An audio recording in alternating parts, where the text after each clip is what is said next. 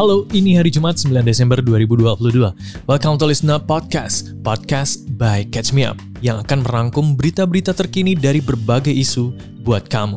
Hari ini kita akan membahas jalan panjang berliku pengesahan KUHP dan Donald Trump yang belum lama ini ngumumin mau nyapres lagi untuk 2024 tapi lagi kesandung masalah pajak. And now, let's catch up.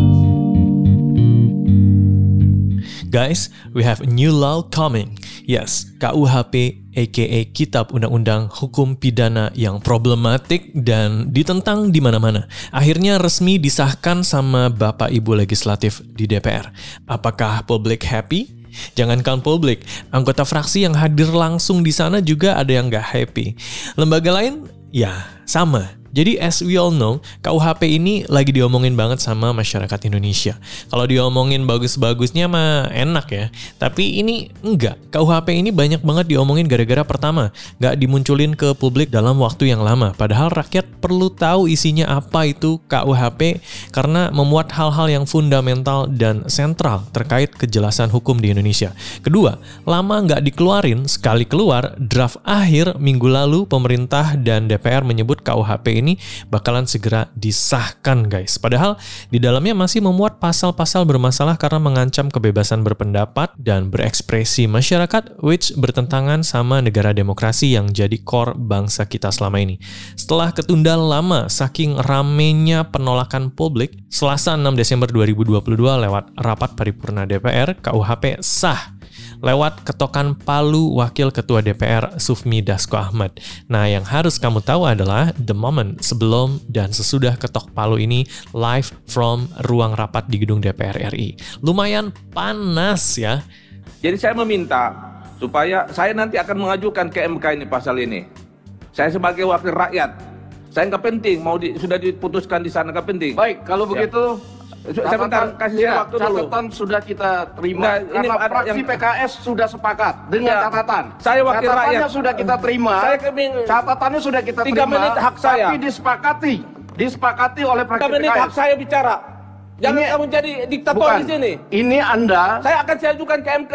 Ini Anda minta mencabut usul yang sudah disetujui oleh fraksi. Saya kasih waktu Oleh karena itu saya sudah Saya minta tiga menit aja. Anda memberikan catatan yang dari fraksi. Jangan Pak Subsi jadi diktator di sini. Saya, hanya minta tiga menit. Nah kan, cekcok saat Pak Dasko kasih kesempatan untuk fraksi menyampaikan pendapat mereka, fraksi Partai Keadilan Sejahtera aka PKS yang diwakili oleh anggota Komisi 7, Iskan Kolba Lubis, menyebut pihaknya keberatan sama dua pasal, yaitu pasal 240 tentang penghinaan terhadap lembaga negara dan pemerintahan, sama pasal 218 tentang penghinaan kepada presiden dan wakil presiden.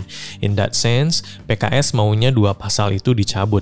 Perdebatan yang kita dengar barusan, Pak Iskan bilang pasal 240 itu di mana kalau menghina lembaga negara dan pemerintah dihukum 3 tahun penjara itu merupakan pasal karet yang bakal dijadikan negara malah jadi negara monarki, rather than negara demokrasi.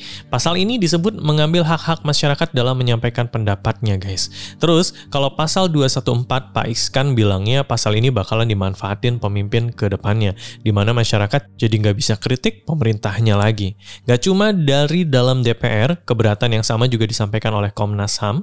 Menurut Komnas HAM, disahkannya KUHP, maka kasus-kasus pelanggaran HAM yang lalu-lalu yang masih mereka selidiki sampai sekarang berpotensi besar bakal dianggap nggak pernah terjadi. Gini, disampaikan oleh Komisioner Komnas HAM Anis Hidayah, ada dua asas penting dalam pelanggaran HAM berat, yaitu asas retroaktif uh, dan tidak mengenal kadaluarsa. Lewat dua asas ini, kasus-kasus pelanggaran berat yang terjadi di masa lalu tetap bisa diproses secara hukum tanpa batas waktu.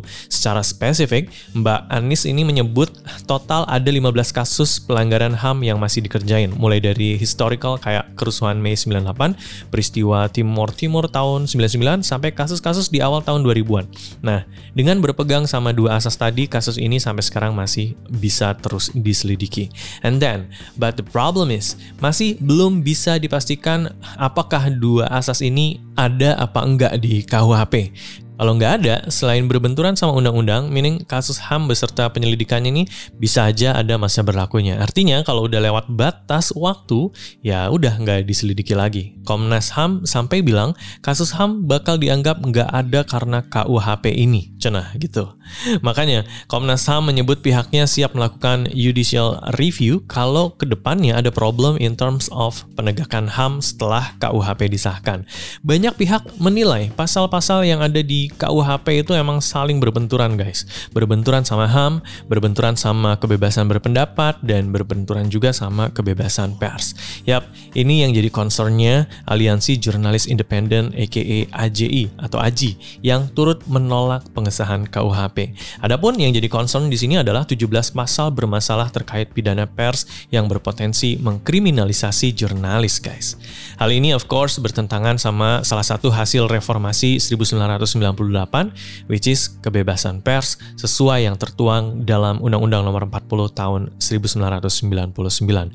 Aji sendiri sudah menggelar aksi unjuk rasa di berbagai kota, either online dan offline.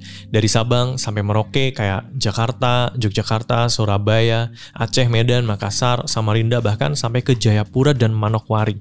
Gak cuma itu, dari kalangan mahasiswa, BEM Universitas Indonesia yang diketahui bakalan turun menggelar aksi. Sementara di depan gedung DPR RI di Senayan udah heboh sama masyarakat yang dari kemarin udah menggelar aksi. Mulai dari bakar KUHP yang terdahulu sampai bangun tenda pakai tulisan berkemah di depan rumah wakil rakyat karena demokrasi darurat. Well, setelah ketok palu dan disahkan di DPR, setelah ini KUHP yang baru bakalan dikirim ke Presiden Joko Widodo untuk ditandatangani, terus dikasih nomor dan jadi lembar negara. Nah, considering pasal-pasal bermasalah dan respons publik terkait hal ini, nggak sedikit pihak baik di dalam negeri maupun organisasi internasional yang minta Pak D. Jokowi untuk mempertimbangkan lagi KUHP-nya sebelum ditandatangan. Salah satunya adalah Komisi Tinggi PBB yang ngurusin human Human Right, which is OHCHR. Dalam tweetnya beberapa waktu lalu, OHCHR minta Pak D untuk mikir-mikir lagi terkait KUHP ini karena bisa mencederai HAM, khususnya bagi perempuan dan mereka yang aborsi, co-living, serta kelompok minoritas. Meanwhile, kalaupun ini beneran di ACC sama Presiden Jokowi, KUHP yang baru nggak serta-merta berlaku guys, melainkan ada masa jeda selama tiga tahun di mana dalam tiga tahun itu bakal dilakukan sosialisasi ke masyarakat, penegak hukum, pegiat HAM sampai akademisi kampus uh, sebelum akhirnya KUHP legit berlaku sebagai hukum yang sah di Indonesia di tahun 2025 nanti.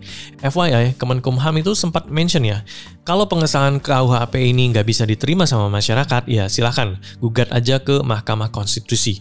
Nggak usah capek-capek unjuk rasa. Nah, tapi pakar hukum tata negara juga pesimis pengajuan ke MK bakalan ada hasilnya. Dalam hal ini, Hakim MK itu belum tentu juga bakalan menerima gugatan ini since gugatan ini berhubungan langsung sama DPR di mana kalau itu hakim nggak sejalan, beliau-beliau di sana bakalan dipecat. Ini pernah kejadian sama Hakim Arswanto yang September lalu diberhentikan gara-gara disebut nggak mengawal kepentingan DPR. Kebayang nggak kalau ada yang digugat terus MK memutuskan KUHP yang baru inkonstitusional? Ya mereka bakal diaswantokan. In that sense, kekuatan hakim harusnya nggak boleh diacak-acak karena once itu diacak-acak, yang terjadi adalah kerusakan negara hukum dan demokrasi. Oke, okay, now let's talk about Donald Trump.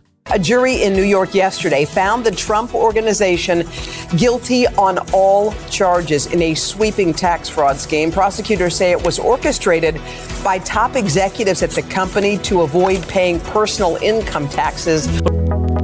Perusahaannya Donald Trump baru aja difonis bersalah gara-gara ketahuan melakukan skema kriminal selama 15 tahun untuk nipu otoritas pajak demi menghindari pajak.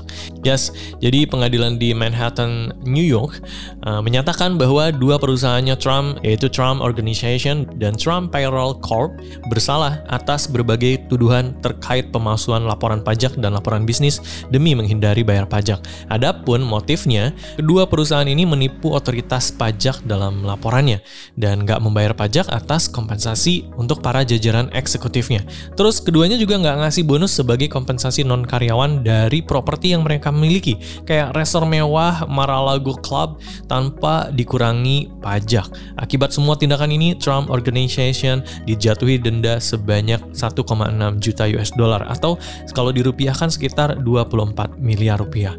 Walaupun denda itu nggak seberapa besar sih ya untuk keuangan perusahaan Trump Organization, tapi hukuman itu bisa mempersulit Trump untuk majuin bisnisnya dan getting launch. Selain itu, record ini tentunya jadi catatan kelam kalau Doi emang mau maju jadi capres di 2024 mendatang.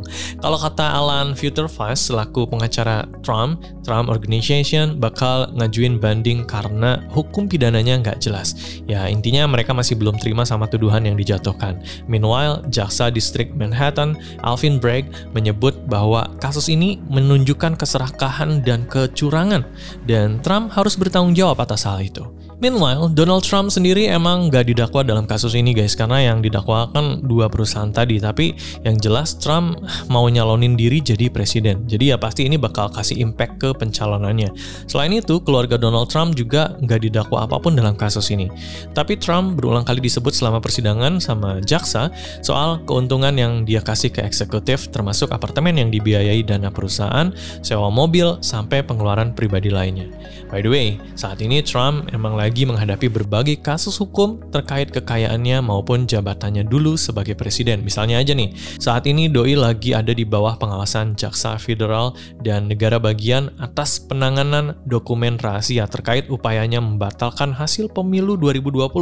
Selain itu, Trump juga lagi menghadapi gugatan perdata senilai 250 juta US dollar dari Jaksa Agung New York yang menyebut dia dan anak-anaknya yang udah gede terlibat penipuan selama satu dekade. Oke, itu dia listen up untuk episode kali ini. Sampai ketemu di episode selanjutnya. Happy weekend.